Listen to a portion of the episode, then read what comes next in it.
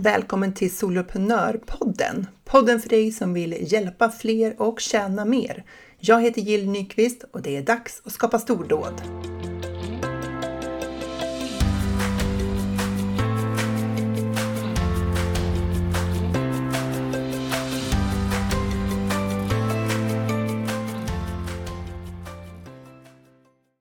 Om du har lyssnat på Soloprenörpodden ett tag så vet du kanske att jag förra året hade ordet eh, överflöd som ledord för det året och att jag hade galet mycket att göra. Jag tror att jag liksom kommenterade det under veckorna som gick förra, förra året.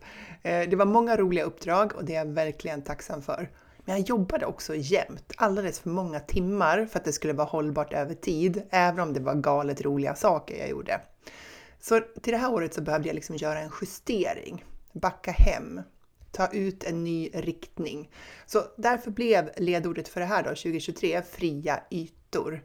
För jag kände att jag behövde utrymme i kalendern för att organisera mina tankar, organisera eh, min kunskap, för att kunna paketera den tillbaka till mina kunder Oavsett om det är för dig som medlem i Soloprenörerna eller om du är en coachingkund eller på vilket sätt jag nu hjälper dig. Och det, eh, alltså det här utrymmet i kalendern, det är alltså obokad tid. Alltså att inte hela kalendern är upptagen av leveranser till kund. Och det här har jag faktiskt lyckats med så här långt eh, på året, åtminstone liksom man tittar på första kvartalet och huvuddelen av första kvartalet, även om det var lite intensivt i början på året. Det är ju mars nu, så att hela det här första kvartalet är ju snart till ända. Och jag har mer utrymme nu där jag faktiskt sitter på lagret och jobbar. Alltså obokad, ej såld tid där jag kan tänka och utveckla nytt. I alla fall i jämförelse med vad jag hade förra året. Och jag har också lagt mer tid på mitt kreativa sidoprojekt och det är ju att skriva min science fiction-roman. Eh, det här med att skriva en hel bok, det visar sig ju vara ett ganska omfattande projekt, vilket man hade kunnat lista ut från början. Men ändå, väldigt roligt. Eh, och som eh, ett, ett helt annat typ av arbete än vad jag är van med. Det, det är roligt, krävande ibland, men kul. Och sen hundträningen. Jag har faktiskt tränat mer under den här vintern Eh, med hundarna och det känns också väldigt bra. För att en poäng med de här fria ytorna var ju också att göra andra saker i livet eh, kring familjen, fritidssysselsättning och allt det där. Och jag har ju tidigare pratat om det här med vd-rollen och eh, jag vet inte om du lyssnade på det. Jag och Angelica Henriksson på Yogaprenör hade ju ett intressant samtal i avsnitt 137 av Soloprenörpodden där hon beskrev hur hon klev in i vd-rollen. Och det är många som har lyssnat på det avsnittet så det är inte bara jag som gillar hennes tankar där. Och jag har också blivit väldigt inspirerad av hennes eget avsnitt i Yogaprenörpodden, om du känner till den. Det var nummer 61 där hon pratar om hur hon tjänade en miljon kronor på att eh, köra yoga online. Så den där podden är överhuvudtaget bra för oss som driver företag online, även om vi inte håller på med just yoga som affärsidé. Det finns mycket klokskap och väldigt affärsdrivna tips som jag verkligen gillar i Yogaprenörpodden. Så har du inte kollat in den, så gör det även om det skulle vara så att du inte jobbar med yoga som liksom nisch. Men i alla fall, det här med VD-hatten då. Alltså i det här läget då, man sätter på sig VD-hatten och börjar titta på de här övergripande sakerna i ens företag. Strategiska tankar. Eh, jag tänker strategiskt som så långsiktiga, övergripande eh, tankar kring vårt företagande. Och jag har funderat på det här, de här olika faserna som vi går igenom som soloföretagare online. Eh, och det finns ju jättemånga sådana här liksom, företagsutvecklingsmodeller. Men jag har gjort en egen variant utifrån mina egna erfarenheter och utifrån de kunder som jag har hjälpt genom åren. Så att eh, det här är väl någon slags varia variant på alla de modeller som finns med de här olika faserna som ett företag generellt går igenom. Och jag tänkte att jag kunde provtänka det här med dig idag. Jag testar den här på dig så får vi se om du känner igen dig i någon av de här faserna. Jag tänker mig att det är lite grann som en cirkel, men ändå inte riktigt. För vissa faser återkommer medan andra inte gör det. Och då tänker jag framför allt på den där allra första startfasen. För den kommer faktiskt inte igen. Inte på det sättet som när vi startar vårt företag för allra första gången. För att vi står inte på noll mer än en gång. Och det är lite viktigt att komma ihåg, men jag kommer tillbaka till det. Så de här faserna jag ser framför mig då, det är om jag bara ska räkna upp dem. Startfas, frustrationsfas, det går bra nu-fas, nyorienteringsfas och nystartsfas. Egentligen kanske det finns en avvecklingsfas också, men jag, jag, vi lämnar det för nu. Så jag tänker att jag tar de här en och en så kan du lite grann känna efter om det här liksom passar in på hur du tänker, känner eller gör och i så fall vilken fas som liksom mest eh, Eh, känns eh, igenkänning för din del. Då. Ehm, så startfas då. Mm. Ehm, startfasen, där är fokus på att komma igång. Och då tänker jag faktiskt startfas som i att så här, starta sitt företag. Det är därför vi bara gör det här en gång. För även om du skulle göra en större förändring i ditt företag så har du all kunskap och erfarenhet som du dittills har samlat på dig, den har du liksom med dig när du, liksom efter du har gjort en större förändring och ska börja jobba i, på det nya sättet. Du börjar liksom aldrig på noll igen. Det är därför jag menar att startfasen den kommer bara en gång på det sättet som man gör det när man gör allting för första gången. Och hur skönt är inte det? Så att några olika delar i den här startfasen, det är ju så här, det rent administrativa och det är ju det helt praktiska med att starta ett företag. Du vet det här med att ansöka om så här, Skatteverket, du kanske är inne på verksamt och du ska få ett organisationsnummer, så här, eh, momsnummer, registrera ditt företag, kanske registrera ditt namn eller du ska välja om du ska ha enskild firma eller om du ska ha aktiebolag. Allt det där praktiskt administrativa som krävs för att starta företaget, det är ju en del av den här fasen. Eh, sen, eh, sen har vi den här personliga delen som, som eh, finns i den här startfasen. Här handlar det ju om att hitta sitt mod. Eh, och då tänker jag att det handlar om att, här, för vi alla är mer eller mindre rädda i den här fasen. Man är osäker, eh, man tvivlar fram och tillbaka på sin egen förmåga, går från liksom så här det här är fantastiskt, äntligen, nu gör jag det, jag är på gång, jag har världens bästa grej, jag kommer hjälpa jättemånga personer, jag kommer få vara min egen chef, jag kommer få jobba på det sättet jag vill. Det här känns eh, fantastiskt. Allt ifrån det till hur ska det här gå? Eh, hur ska jag klara det här? Det är så många saker, jag kommer aldrig lära mig det jag behöver. Vem skulle någonsin eh, ta hjälp av mig och dessutom betala för det här? Hur kunde jag tro att det här skulle fungera? Jag måste vara galen och nu är det ju lågkonjunktur eller nu är det ju högkonjunktur och alla andra är ju i full fart eller ja, allt det där som är våra egna tvivel finns ju i startfasen. Eh, de blir man aldrig riktigt av med, de återkommer fast på lite olika sätt. Men just i startfasen, innan man har kommit igång och man inte haft sin första kund än, så är det väldigt lätt att kastas mellan hopp och förtvivlan. För eh, det är, eh, det är inte bara den egna resan man behöver hantera, utan ibland behöver man också hantera omgivningens tvivel. Alltså de som säger att men hur ska det gå? Och vi säger att det handlar om liksom, just här och nu. Så här, nu är vi på väg in i en lågkonjunktur. Ska du verkligen starta företag nu? Det är väl mycket tryggare med en anställning. Och, alltså människor runt omkring oss som ofta säger de här sakerna för att de vill oss väl. För att de vill skydda oss. De vill inte liksom att vi ska utsätta oss för någonting som leder till en besvikelse. Eh, och ja, det är inget farligt att bli besviken. Vi klarar det. Vi är vuxna personer som klarar att hantera besvikelse. Vi gör det hela tiden genom livet. Men många gånger så handlar omgivningens reaktioner om att de vill liksom skydda oss. Ibland handlar det bara om att de hade själva velat gjort det här, alltså tagit det här beslutet som du har tagit, men de har inte vågat. Och då känns det kanske som lite som avundsjuka eller de önskar att de också hade vågat och så blir de kritiska med anledning av det. Hur som så kan du vara i ett läge där du behöver hantera både dina egna tvivel och omgivningens tvivel. Och därför blir det ju så viktigt i den här fasen att vi väljer vilka vi tar råd ifrån. Vilka är det du pratar med om din företagsidé? Välj de personer som har erfarenhet inom det området som du faktiskt vill göra. Det är svårt att ta råd om företagande från någon som har varit anställd hela sitt liv det är mycket svårare för dem att sätta sig in i din situation och, och spegla och, låta dig, och ge dig ett perspektiv som är värdefullt för dig. Så vi har allting i startfasen kring det här med personliga. Och sen var vi ju så sugna på att vara vår egen chef.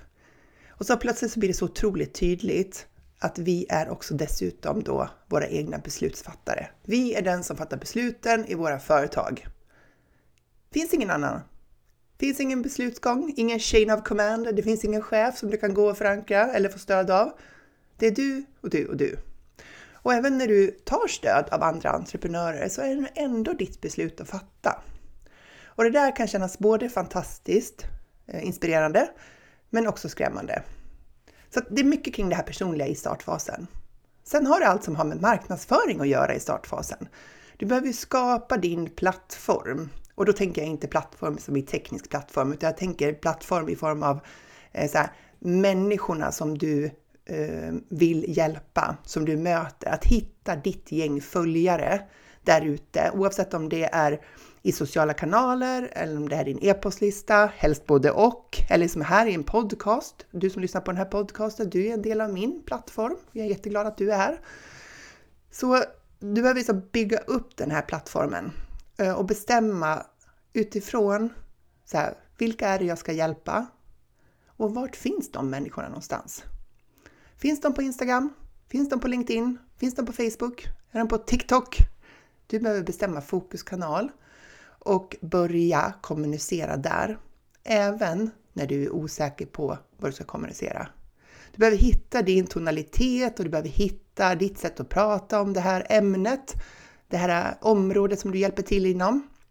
Och du behöver börja bygga din e-postlista om du frågar mig då. Och det där är ganska många saker kring det där när du gör det för första, första gången när du för första gången ska skriva ett inlägg som handlar om ett område som du avser att driva företag inom. Det är speciellt. Det är helt annat än att skriva ett inlägg utifrån sin privata roll. Och där kan många köra fast ibland, särskilt i startfasen när man inte riktigt har hittat sitt sätt. Sen har du allting som handlar om tekniken i den här fasen. Alltså, startar du nu så startar du nu. Alltså, du behöver en hemsida, du funderar på hur du ska lösa det. Är det Wordpress eller en eh, någon annan form av plattform eller en kursportal eller vad är det för någonting. Du behöver lära dig hantera de sociala medierna. Du behöver lära dig hantera e-postmarknadsföringssystem, Zoom eller Teams eller vad du väljer och så vidare. Det finns många eh, tekniska eh, saker du behöver lära dig även om du väljer enkla. Alltså att du inte väljer en komplicerad lösning så är det ändå teknik du behöver hantera, särskilt när du väljer att driva företag online. Och sen har du det här med paketeringen. Alltså, hur ska du... Du har den här målgruppen du vill hjälpa, men hur ska du utforma ett erbjudande gentemot den målgruppen? Vad ska innehållet vara i det erbjudandet? Och här kommer ju också många beslut eh, och här kan man ju fastna i någon tanke om att man ska hitta det perfekta erbjudandet, att man ska träffa rätt vad det gäller innehållet i det här och så vidare och alla tankar och rädslor kring varför, om ingen köper och så. Eh, och det finns ju inte liksom ett, ett sätt att göra ett erbjudande som är korrekt, utan du behöver börja med att lägga ut ett erbjudande för att se om någon nappar på det. Du behöver bestämma pris. Eh, och Eh, där finns ju, har vi mycket liksom tankar kring prisnivåer och så vidare. Så, så det är mycket jobb kring paketeringen där du behöver verkligen liksom både sätta på dig eh, VD-hatten och bestämma liksom så här, vad är det för prissättning jag behöver ha och marknadsföringshatten kring hur ska jag göra det här attraktivt för min kund. Men också någon form av personligt ledarskapshatten, självledarskap i det där i att våga påstå att du faktiskt kan hjälpa någon. Och det är inte så himla självklart precis där i startfasen att man hittar de orden eller att man vågar kliva fram på det sättet. Det kan kräva lite övning. Och sen har vi det här säljet då, som jag tänker är den sista delen jag ska ta upp inom den här startfasen. Så här, hur ska du sälja det? Är det via ett webbinar? Är det någon form av utmaning? rekommenderar jag inte att du egentligen börjar med, lite mer avancerat. Ska du hålla någon workshop? Är det någon form av event? Ska du bara köra e-post marknadsföring? Eller ska du bara lägga ut i sociala medier? Det finns en rad olika sådana här säljmekanismer du kan använda dig av. Och det kan ju kännas lite överväldigande sådär på förhand när du aldrig har gjort ett webbinar förut. aldrig hållit en workshop online med andra, alltså där du har klivit fram och lett andra vuxna personer genom det ämnet som du vill hjälpa till genom. Så det är många nivåer eh, av eh, arbete som krävs där för att få fram bara den första varianten av ditt webbinar. Så vad kan vara hjälpsamt då om du, är, om du känner igen dig så här, ja, jag är här, jag är i den här startfasen. Ja, du behöver öva dig på att det är okej okay att fatta beslut utan att veta om det är rätt beslut eller inte. Du kan bara landa i tanken att det finns inte ett enda rätt sätt att driva ett företag online. Det finns, kan få många saker att fungera. Men grejen är den att innan du har provat eh, så kommer du inte veta om det är rätt sätt eller inte. Jag brukar säga det i Soloprenörerna att så här, så, eh, så här, allt vi jobbar med här, eh, som när vi sitter och jobbar med våra liksom, texter och erbjudanden och så, det är en hypotes. En hypotes om vad, hur jag ska uttrycka mig för att jag ska nå fram till den jag vill nå fram. Och sen när vi verkligen testar det i, i verkliga livet, när vi gör det här webbinariet, vi bjuder in till det här och det är då vi ser om det fungerar eller inte. Och det kan ju aldrig vara på något annat sätt. Du kan aldrig vara säker i förväg och det är okej. Okay. Så du ska bara acceptera det. Och eh, ha det här perspektivet av att du testar, du utvärderar och du lär dig. Så inte ha så mycket fokus på huruvida så här, så här, har jag misslyckats eller har jag lyckats? Utan bara så här, ge dig själv utrymme att ha en lärofas där du säger jag provar om det här fungerar och om det inte fungerar, vi säger att jag bjuder in till ett webbinar, om inte tillräckligt många bjuder in, eh, nappar på det här webbinariet, så testar jag att ändra på någonting och se om det fungerar bättre nästa gång. Och att du har lite tålamod med dig själv, för det är mycket nytt att lära sig när man gör allt för första gången. För det är det jag tänker med startfasen då. Så, och det är därför vi bara är i startfasen en enda gång. Så det var startfasen. Eh, nästa fas, frustrationsfasen.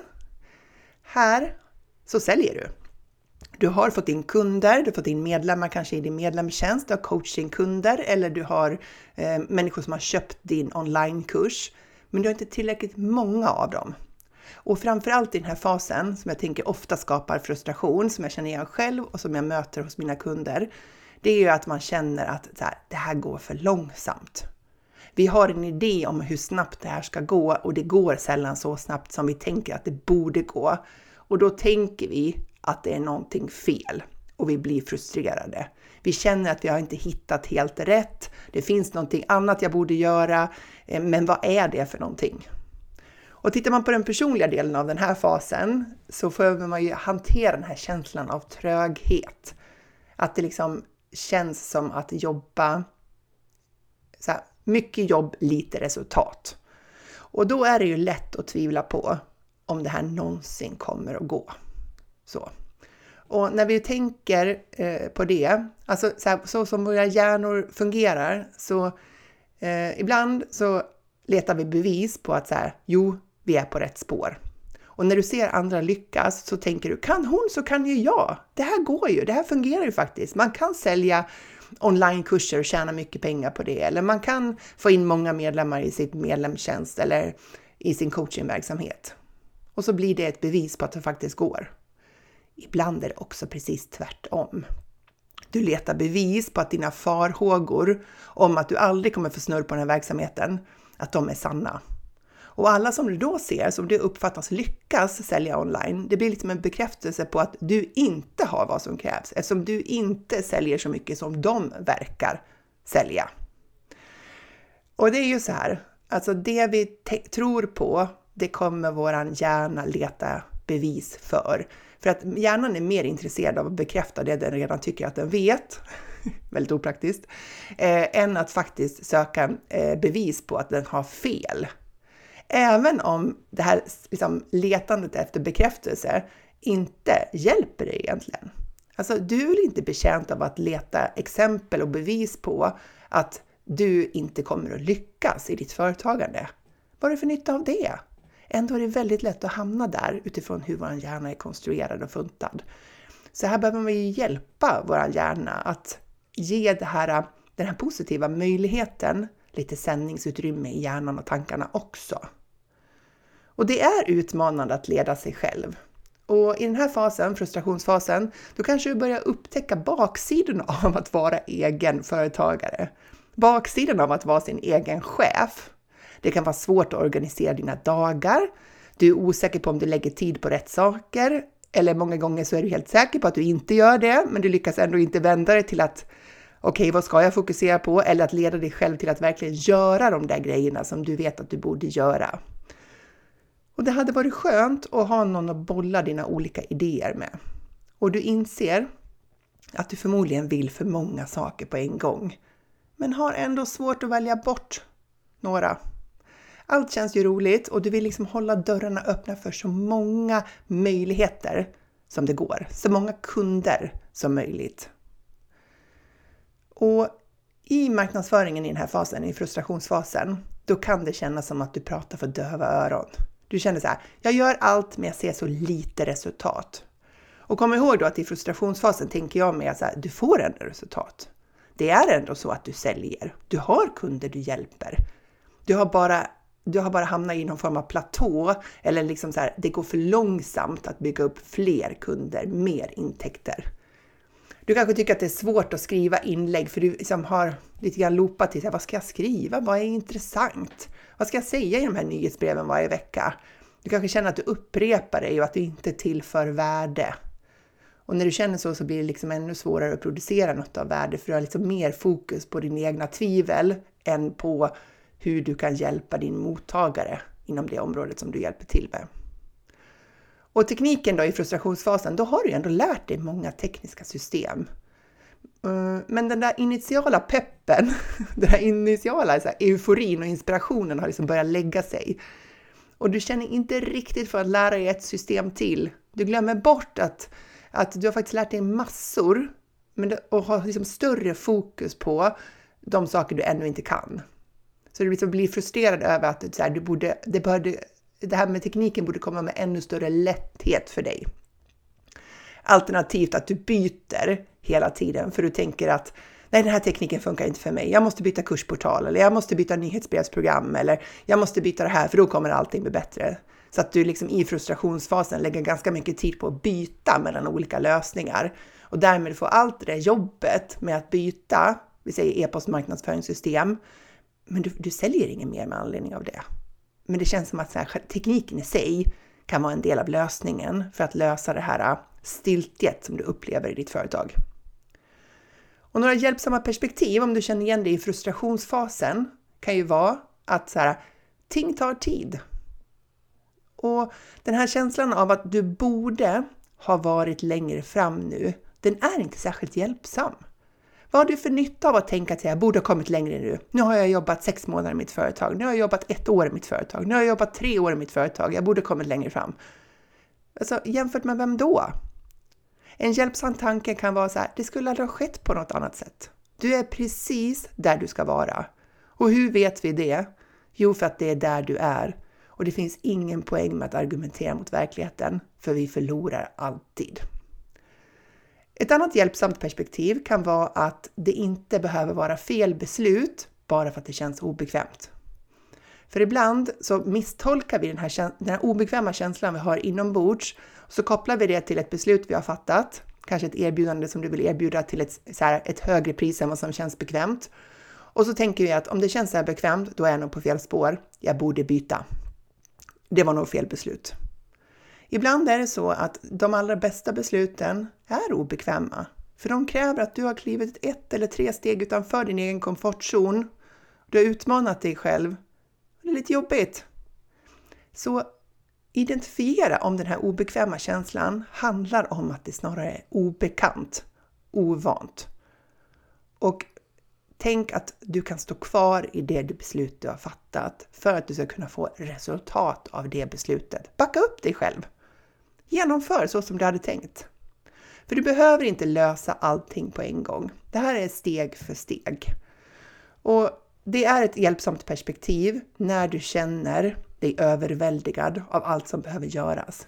Det spelar ingen roll om du har hundra saker på din att göra-lista, för just här och nu kan du bara göra en av dem i alla fall. Så håll fokus på det som du gör här och nu och lägg inte all din energi på att tänka hur ska jag hinna med tisdagen och så hela onsdagen och hur ska jag hinna här och här och jag har tänkt att jag ska ha ett webbinar där och jag är inte klar med någonting. Och, alltså, det där hjälper inte dig. Utan identifiera så här, vad är mitt nästa eh, bästa steg utifrån vad du vet nu? Utgå från det du vet och ta ett steg i det. Ha inte fokus på allt du inte vet eller allt som ska göras liksom en månad framåt. Zooma in till nuet och börja där. Och håll koll på siffrorna. Eh, för de kan ge dig en riktig verklighetsförankring i frustrationsfasen. Skriv upp antalet följare. Skriv upp antalet prenumeranter på nyhetsbrev. Kunder som du har i, vi säger onlinekursen eller medlemmar. Skriv upp vad du har tjänat för pengar. Och följ de siffrorna över tid i ett numbers eller Excel-ark. För att de här siffrorna, de är på riktigt. De kan hjälpa dig att bedöma din situation mer korrekt än den här frustrerade känslan kring din situation. För att ett annat, liksom, kom ihåg, det är så här, vi kan inte tro på allt vi tänker. För att de här siffrorna, eh, alltså känslan kring det här att det går trögt och så, kan ge dig en helt annan uppfattning om hur ditt företag går än vad som faktiskt är sant. Så håll koll på de faktiska siffrorna och följ dem så att du faktiskt har data, fakta att backa upp din känsla på, inte bara en allmän obehagskänsla eller en allmän frustrationskänsla. Yes, tredje fasen. Det går bra nu. Pengarna rullar in. Eh, I den här fasen, då har du hittat tjänster som du fungerar och som är efterfrågade av dina kunder. Så rent personligt så då, du är i leverans. Plötsligt så hör kunder av sig till dig istället för att du jagar dem. Så här, när händer det? Eh, du får löpande förfrågningar om att coacha eller vara konsult eller hålla föredrag eller medverka i poddar och eh, ha samarbete med andra. Och du kanske har mer kunder än du klarar av. Eller så har du maxat vad du kan ta emot. Det blir många timmars jobb varje vecka och det kanske börjar bli svårt att hinna med att jobba på lagret. Alltså det här lagerjobbet som man faktiskt behöver också i sitt företag. Fakturera, hantera medlemsadministration, kundbokningar och så vidare. Och du inser att eh, du borde vara otroligt nöjd med vad du har byggt upp. Men du kanske har svårt att känna den där verkliga stoltheten och glädjen i vad du faktiskt har åstadkommit när du har kommit upp till den här fasen. Eftersom du är i konstant produktion och leverans hela tiden. Intäkterna Eh, dina tjänster genererar en stadig ström av intäkter varje månad. Målet om att få, vi säger, få in 100 000 kronor varje månad kontinuerligt över tid, som kändes sådär galet avlägset, är plötsligt nu uppfyllt. Men du har så mycket att göra att du inte riktigt noterar det, utan du kör bara på. Eftersom du vill ju hjälpa alla dina kunder, du har svårt att tacka nej till uppdrag och dessutom så vet man ju aldrig längre fram om det kommer fortsätta så här. Så det är bäst att säga ja nu ifall förfrågningarna minskar längre fram. När det gäller tekniken, eftersom du har så mycket att göra så har du hittat ett sätt att hantera ditt företagande med de resurser du har. Inte ett nytt system om det inte är absolut nödvändigt. Takten i dina leveranser tvingar dig att fokusera på det viktigaste. Och det finns inte längre tid för utsvävningar eller du vet det här uh, new shiny object, att man liksom jagar någonting nytt bara för att man blir inspirerad. Så i den här fasen, när du har maxat här, då löser sig prioriteringen själv, för nu är det högt tempo och det är fullt fokus på att liksom fullfölja på de uppdrag som du har fått in. Och hjälpsamma perspektiv i den här fasen eh, kan ju vara att så här, vet du, du behöver faktiskt inte göra allt för alla. Du kan tacka nej till uppdrag som tar mer än vad de ger dig. Och då menar jag inte bara ekonomiskt, utan jag menar energimässigt också.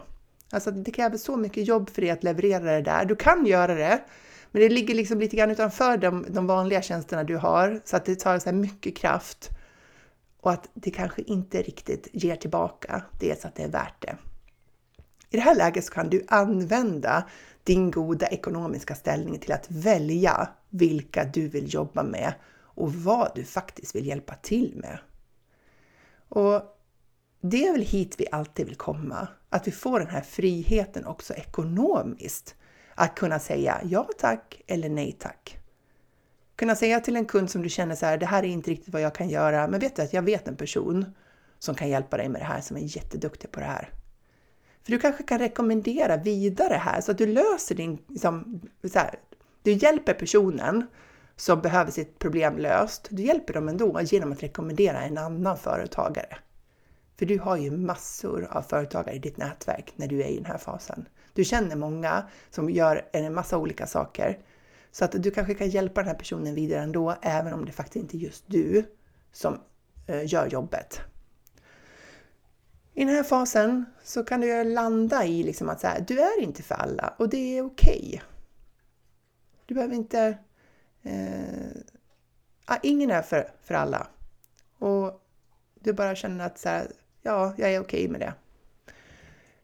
Titta på dina siffror och ta in din framgång. Titta på, titta på ekonomin. Hur mycket pengar har du tjänat det här året? Vilken vinst har du gjort? Titta på antalet följare, hur det har växt i den sociala kanalen. Titta hur många prenumeranter du har eh, på ditt nyhetsbrev. Titta hur många kursdeltagare du har i dina program eller dina onlinekurser. Titta på dina siffror och ta in framgången och fira tillsammans med dem som förstår vilka stordåd som ligger bakom att ha uppnått den här fasen. För att det är någonting extra det här med att fira tillsammans med andra som verkligen förstår hur vägen för att komma hit har varit.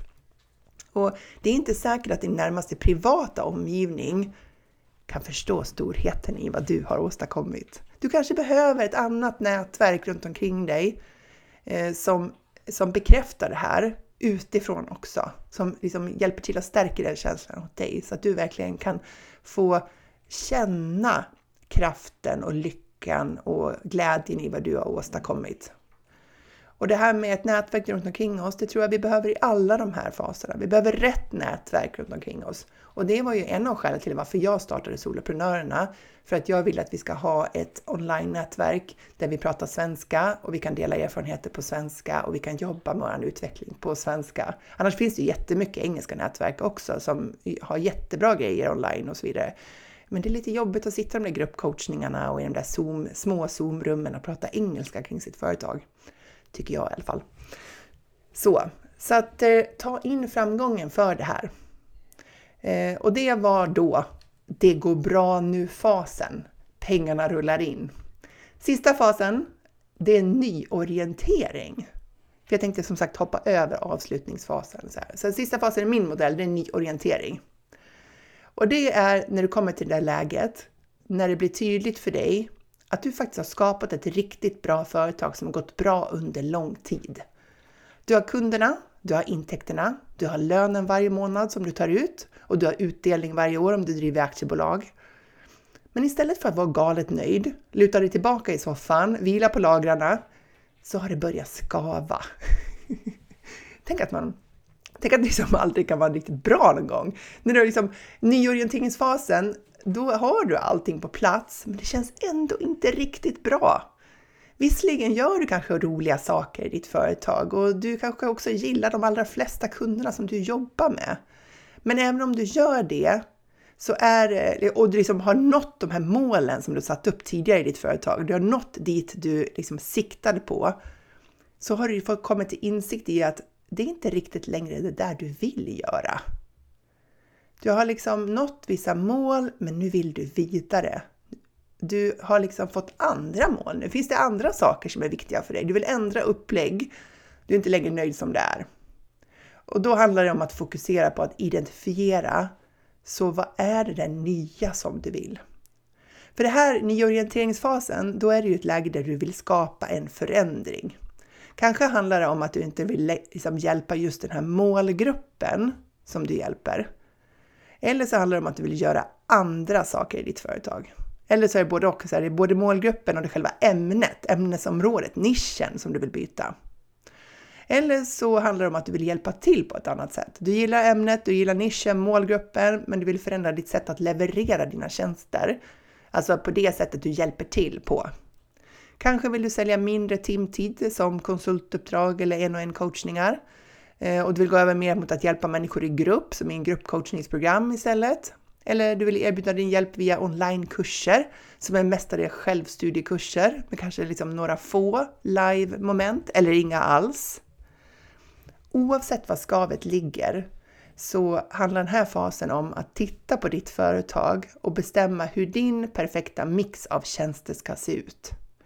Om du tjänar en miljon kronor per år i ditt företag, var ska de här pengarna komma ifrån om du får det som du nu vill ha det?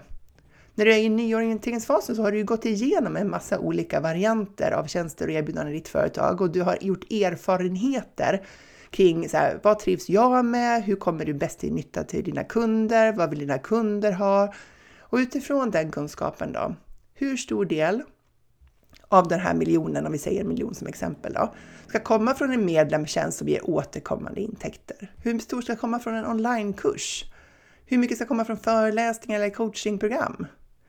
I den här fasen, då tittar du på ditt företag ur ett helikopterperspektiv och ser på alla de här delarna samtidigt. Och när du har lagt det här pusslet eh, och skapat din unika liksom, mix av tjänster så kan du bestämma liksom så här, hur mycket ska varje del, eh, vad är målet för varje tjänst, tjänsteområde, eller man säger, så här, onlinekurser ska dra in så här mycket, medlemstjänst så här, coachingprogram så här, föreläsningar så här. Och utifrån den målbilden så bestämmer du vad ditt nästa steg är. Kanske är det att du ska avsluta en medlemstjänst för du inte längre vill jobba på det sättet. Eller du kanske ska lägga ner en onlinekurs för du ska skapa en annan. Eller du kanske ska Eh, istället för att sälja konsulttimmar paketera eh, i mm, en konsultpaket så man får köpa timpaket av dig. Eller vad, så här, oberoende, det kan vara många olika förändringar beroende på vad det är för typ av vridning av ditt erbjudande och din verksamhet som du vill göra. Så när du har den här övergripande bilden, din nya målbild för ditt företag, då kan du utifrån det bestämma vilka ditt nästa steg är. Och det kan ju vara så att den här nyorienteringsfasen behöver ta ett tag. Du kanske inte kan göra hela vridningen i ett steg. Du kanske sitter i avtal med kunder och har en medlemstjänst, kanske du har årsmedlemmar och kan inte liksom avsluta den på en kvart. Du kanske har andra eh, åtaganden eller avtal som du ingått som du måste fullgöra innan du kan eh, göra hela vridningen. Men det spelar ingen roll, för i nyorienteringsfasen så gör du det här steg för steg. Och hjälpsamma perspektiv i den här fasen då, så här, ge dig själv tid att samla ihop dig kring vad du nu vill med ditt företag. För det är du som är VD för ditt företag. Det är du som är chefen, det är du som sitter i förarsätet och alla de där äh, liknelserna. Eh, så att det är du som har rätten och skyldigheten att skapa det företag som du nu vill ha när du har kommit i den här fasen. Du kanske behöver omvärdera gamla sanningar och se om de håller. Är det här fortfarande viktigt för mig? Eller har du liksom på den resa du har varit så gjort det andra erfarenheter som gör att du nu vill någonting annat? Så tillåt dig att tänka nytt om du vill det. Och ge den här nya bilden lite utrymme i ditt sinne. Hur skulle det vara om du gjorde på det där sättet? Vad skulle hända då? Och förmodligen när du liksom börjar vrida på det här och du börjar tänka dig in i förändringar så kommer du att uppleva en känsla av motstånd inför det här nya. Det kan vara rädsla till exempel för förlorade intäkter. Du vet ju vad du har, men hur vet du vad du får? Du har kanske en trygg, liksom trygga avtal nu, trygga kunder, tryggt upplägg. Du vet att det här fungerar. Men ehm, det här nya, det kanske inte fungerar. Vad finns det för garanti för det? Och det finns ingen garanti för det. Och du kan hantera det. Så att acceptera den här känslan av motstånd och ta inte den för, eh, för ett besked om att du är på fel väg, utan ta det bara som att så här, det är det här det innebär att göra förändringar. så, det är så här vi reagerar, vi människor, när vi ställs inför nya saker och det är okej. Okay. Du behöver inte ha alla svar från början. Du behöver bara börja Eh, måla upp den här målbilden och då tycker jag att det är hjälpsamt att du visualiserar hur du vill att ditt företag ska se ut. Jag brukar rita upp på ett papper. Jag gillar ju att rita så här boxar och pilar. Jag brukar göra en keynote eller någonting digitalt. Men just det att du visualiserar de här olika delarna, eh, din eh, perfekta mix av tjänster i ditt företag och vill du dra in mest på onlinekurser så gör den störst. Vill du dra in minst på Eh, föreläsningar, gör den minst. Alltså skapa en visuell bild av dit du vill nu styra ditt företag. Och här använder du allting som du vet om att driva företag. Allt som du vet om dig själv och vad du trivs med att göra och hur du vill ha det och allt du vet om dina kunder och deras behov. Allt det här är väldigt värdefull kunskap när du gör den här nyorienteringen. Så, och efter det, när du har satt den här nya kartan, då kommer du att göra någon form av nystart kring att nå den här förändringen, att nå den här nya målbilden som du har ritat upp eller den här nya riktningen som du har formulerat. Och då skulle man kunna tänka sig att man börjar om i startfasen på den här modellen, men det gör du ju inte. För som jag sa inledningsvis så börjar du aldrig på noll. För även om du skulle göra stora förändringar i företaget, alltså både ändra målgrupp och erbjudanden och nisch liksom helt, eh, så kommer du inte börja på noll. Det kanske blir en nystartsfas då, eller kanske omstartsfas, men du kommer kunna använda alla dina tidigare erfarenheter och kunskaper och de kommer hjälpa dig att komma på banan och bli framgångsrik så mycket snabbare i det nya jämfört med när du gjorde det första svängen. Så det kan, absolut, det kan absolut vara så att du hamnar i en frustrationsfas igen i den här nya riktningen. Men du kommer bli kvar där mycket kortare tid.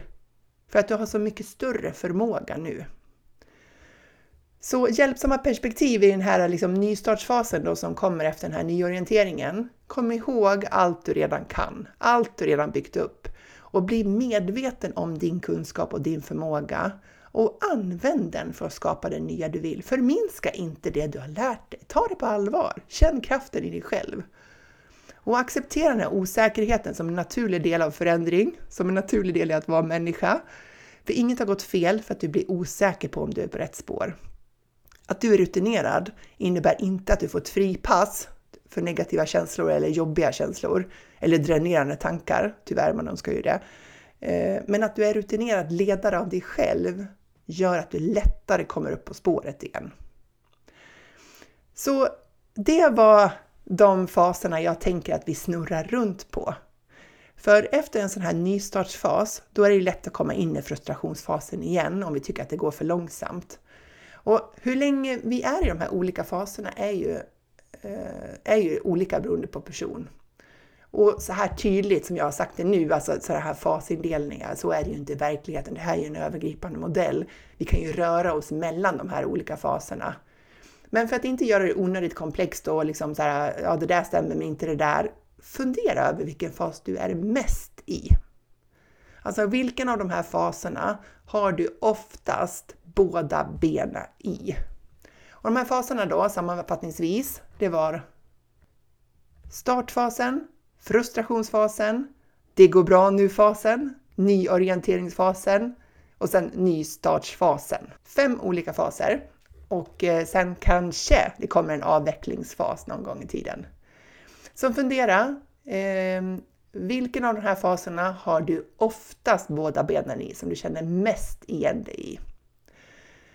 Och det här är vad jag kommer att fokusera mitt företagande på. Att hjälpa dig att antingen komma igång med ditt företag online eller att göra den där nyorienteringen som skapar din perfekta mix av tjänster så att du kan driva ett hållbart företag online där du tjänar de pengar du behöver, jobbar på det sätt du vill samtidigt som du hjälper dem du brinner för att hjälpa. Stort tack för att du lyssnar på Soloprenörpodden. Jag vet att det finns många alternativ. Därför är jag ju väldigt glad att du valde mig eftersom jag vet, jag vill ju verkligen hjälpa dig att skapa dina stordåd.